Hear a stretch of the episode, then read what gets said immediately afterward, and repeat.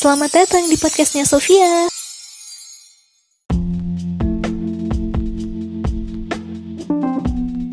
Hai, gimana kalian kabarnya hari ini? Semoga masih dalam suasana yang positif ya, selalu bahagia dan diliputi hal-hal yang menyenangkan. Kalian masih ingat gak sama seseorang yang aku pernah bilang dari dari Eropa punya pengalaman pernah berada di ruang bawah tanah sebagai tempat tinggalnya di Jerman. Nah, di episode kali ini dia bercerita tentang pengalamannya setelah melewati program tersebut, dia pindah program lain ikut kegiatan volunteer, aktivitas relawan di sebuah sekolah yang ada di Jerman. Menariknya, kegiatan dia kali ini tampak lebih bahagia. Jadi, setelah dia melewati hal-hal yang kurang menyenangkan di negeri orang, sekarang kegiatan dia selama di sana cukup membuat dia perlahan-lahan mulai sembuh dari trauma yang dia punya selama di sana. Kira-kira pengalaman-pengalaman menarik apa sih yang dia punya selama menjadi volunteer? Kalau teman-teman penasaran, jangan skip episode kali ini harus dengerin I Tell You Something sampai selesai, oke? Okay?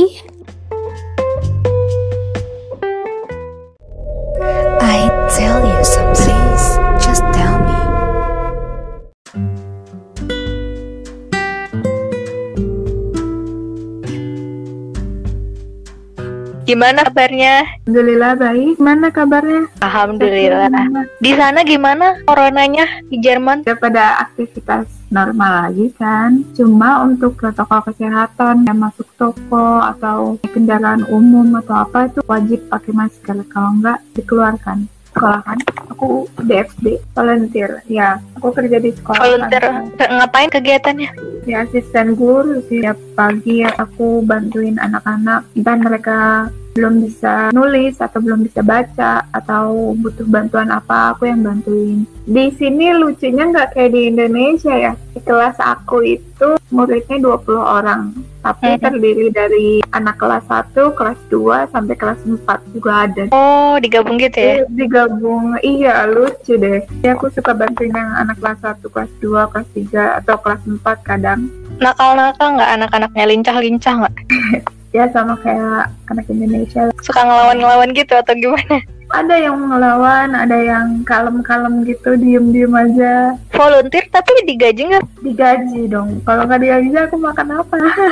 nah itu volunteer kok bisa digaji? Iya, Pianta ya negara ini yang buat. Oh, itu program negara, pemerintah? Iya itu salah satu program pemerintah juga. Jadi entah ngambil volunteer dari negara lain atau dari negara sendiri. Tapi jarang banget ada warga sini yang mau ikutan volunteer kayak gini. Terkecuali anak-anak yang baru lulus, lulus. sekolah uh -uh, lulus sekolah tapi dia masih belum tahu mau kuliah apa atau mau ngapain atau mau ospil apa mereka ngambil ini dulu. Kamu tahu dari mana lowongan itu dulu? Dari senior senior kita. Aku sebenarnya mau di kota lain juga cuma yang di Hanover ini ya alhamdulillah sih tawarannya lumayan bagus kan terus di sekolahan. Sedangkan yang lain kebanyakan panti jompo gitu. Jarang banget sih yang bisa dapat di sekolahan itu karena susah terus kadang nggak dapat tempat tinggal dan lain-lain. Kebetulan aku tempat tinggal dapat dari tempat kerjaan ini sih alhamdulillah. Jadi gratis. Uh, hmm. jadi tempat tinggal yang mahal banget. Tapi untuk makanan dan lain-lain ya tergantung kitanya juga mau hedon atau gimana. Setelah di Indonesia terus di Jerman kamu culture shocknya dari sana apa? Yang benar-benar kamu alamin langsung nih di negaranya. Kalau kita dulu kuliah kan ya cuman sekedar tahu-tahu aja gitu. Tapi kalau udah di negaranya kan kan bisa jadi dialamin bisa jadi oh ternyata enggak juga gitu. Nah, aku masih agak aneh. Mereka kalau untuk membersihin hidung misalkan bosan atau apa saat kami semua lagi makan hit kayak hot hot gitu. iya mungkin bagi mereka tapi bagi normal aku, gitu ya. Iya bagi mereka tuh normal tapi bagi aku masih yang oh my god kedengaran orang tuh kayak itu sih yang masih aku mbak. Eh kan mereka di eh, di depan kelas anak-anak pun juga kayak gitu di dalam oh iya sama aja. Uh -uh, sama aja.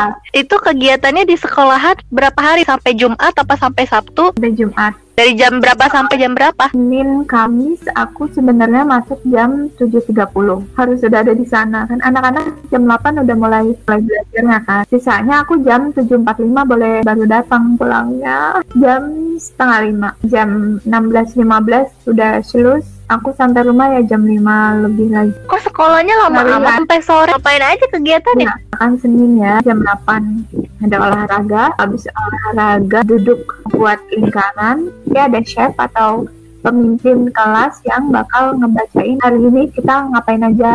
Sampai jam 10 jam 10 ke harapan Nah, itu ada pause juga sampai jam 10.45 belajar lagi. Ini hari Mhm. Senin ada bahasa Inggris sampai jam 12.35 ada pause lagi, makan siang, habis makan siang pause main-main lagi. Aku biasanya jam 12.30 atau 12.40 aku istirahat selama 30 menit. Ya jatah aku setiap hari cuma 30 menit pausenya. 13.45 masuk ke kelas lagi ngerjain suatu atau ada proyek sampai jam 3 ngebuat Hmm. catatan mereka hari itu ngapain aja di sekolah dibawa pulang ke rumah supaya orang tuanya tahu hari itu mereka Hmm. ngapain aja. jam 3 itu ada anak yang udah pulang ada yang belum nah yang belum itu masuk ke Priceville kayak main bebas lah gitu sampai nunggu dijemput itu sampai jam 16an Sekolahnya Oh, oh. memfasilitasi ya kalau belum dijemput Iya. dikasih kegiatan terus anak-anaknya ya. iya Bagus ya. Karena kan rata-rata kerja semua kan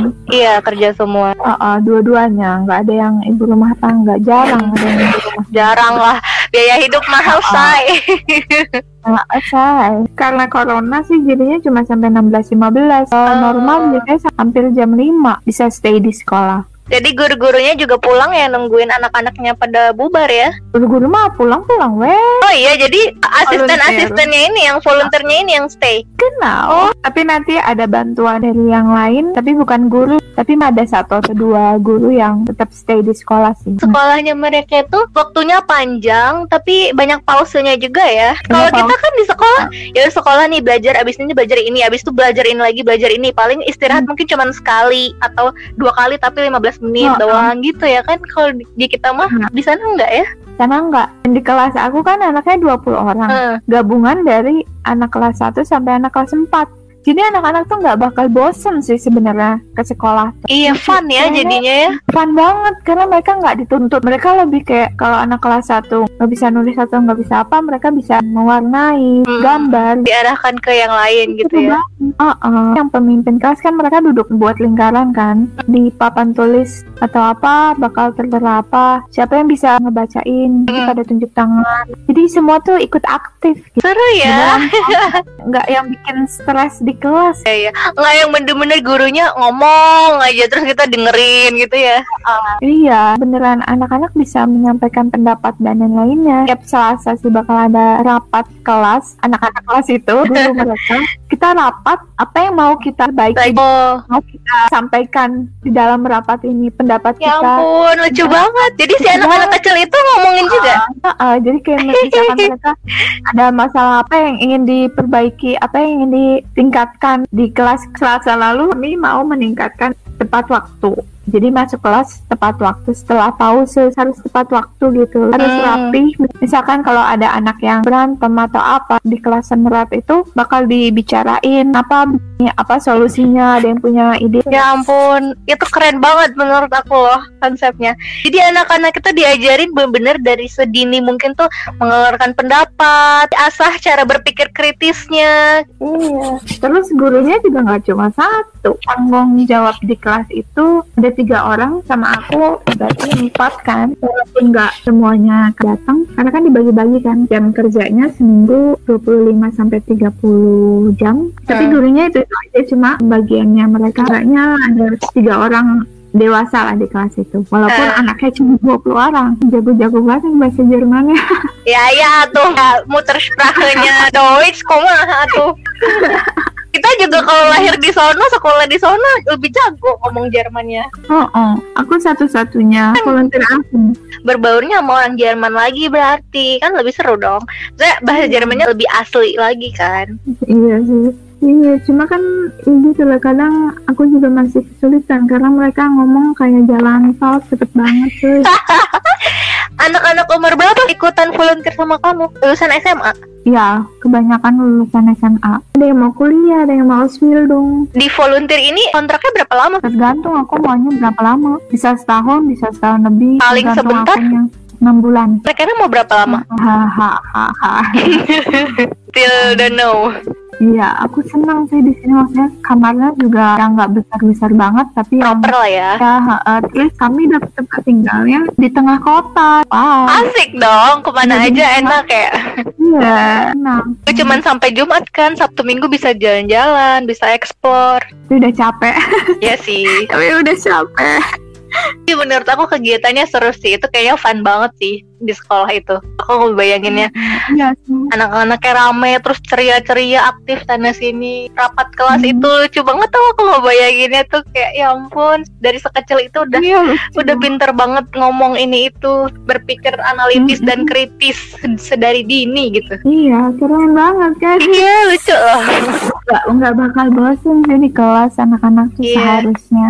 Iya bener-bener Mereka kan kalau di kelas tuh tingkahnya ada yang aneh-aneh nggak sih? Ada yang suka lucu aja nggak mau dengerin Atau ada yang sibuk sendiri beda dari Ada. kegiatan Ada, Ada juga ada, ada. Gurunya gimana? Ada bandel, Gurunya ngadepinnya gimana? Nggak mungkin marah-marah kan? marah-marah kok. Gimana marah-marahnya? Tapi nurut gitu anaknya kadang nurut, kadang langsung diem gitu kan, kadang juga ngebales. Tapi kan ini ini ini ini ini ini. Oh. Nah, nah, nah, nah, nah, nah. Tapi nggak ada yang suka nangis tiba-tiba di kelas gitu Atau berantem Ada. Lucu ya Ah, ah, Seru ya Iya iya iya lucu. Volunteer ini udah berapa lama? Belum lama-lama banget sih. Dua bulan ada Baru lah, nah, gituan lah. Suka dukanya di sana Suka duka tinggal di sini ya. Sukanya karena aku bisa bebas di sini. Weh, dalam artian Aku nggak perlu mikirin apa pendapat orang-orang tentang apa yang aku pakai. Oh iya benar, yang benar-benar. lakuin. Nggak kayak di Indonesia ya, Nggak, terlalu nggak. banyak stereotype dan Nah. people judgment ya. Nah. Iya iya iya. Aha, iya aku mau makan apa ya terserah aku. Cuma sukanya harus jauh dari keluarga. Makan makanan pun yang nggak semua makanan di sini enak gitu di lidah kita kan. Kayak yang datar, datar aja. Iya. Tapi kalau kita masak sendiri itu mantap. Tasteless ya. Nah, untuk makan makanan Indonesia tuh kayak mewah banget. Mahal juga. ya. Teri pun kayak mewah banget. Sayur toge pun kayak mewah banget gitu loh. Di sini tuh kayak sah. Uh, uh.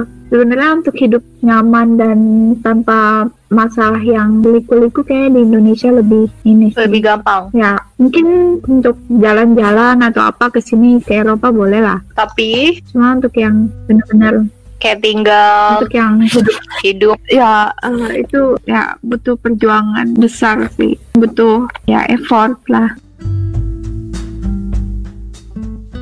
Vilendang buat seseorang yang sudah bercerita jauh dari Eropa sana, yang sudah menceritakan segala pengalamannya yang mungkin bisa menjadi pelajaran buat kita semua. Thank you banget dan buat teman-teman yang juga udah mendengarkan episode I Tell You Something tadi dari awal sampai sekarang sampai selesai. Thank you banget juga. Jangan lupa di share podcastnya ke teman-teman kalian. Tungguin terus episode-episode selanjutnya ya.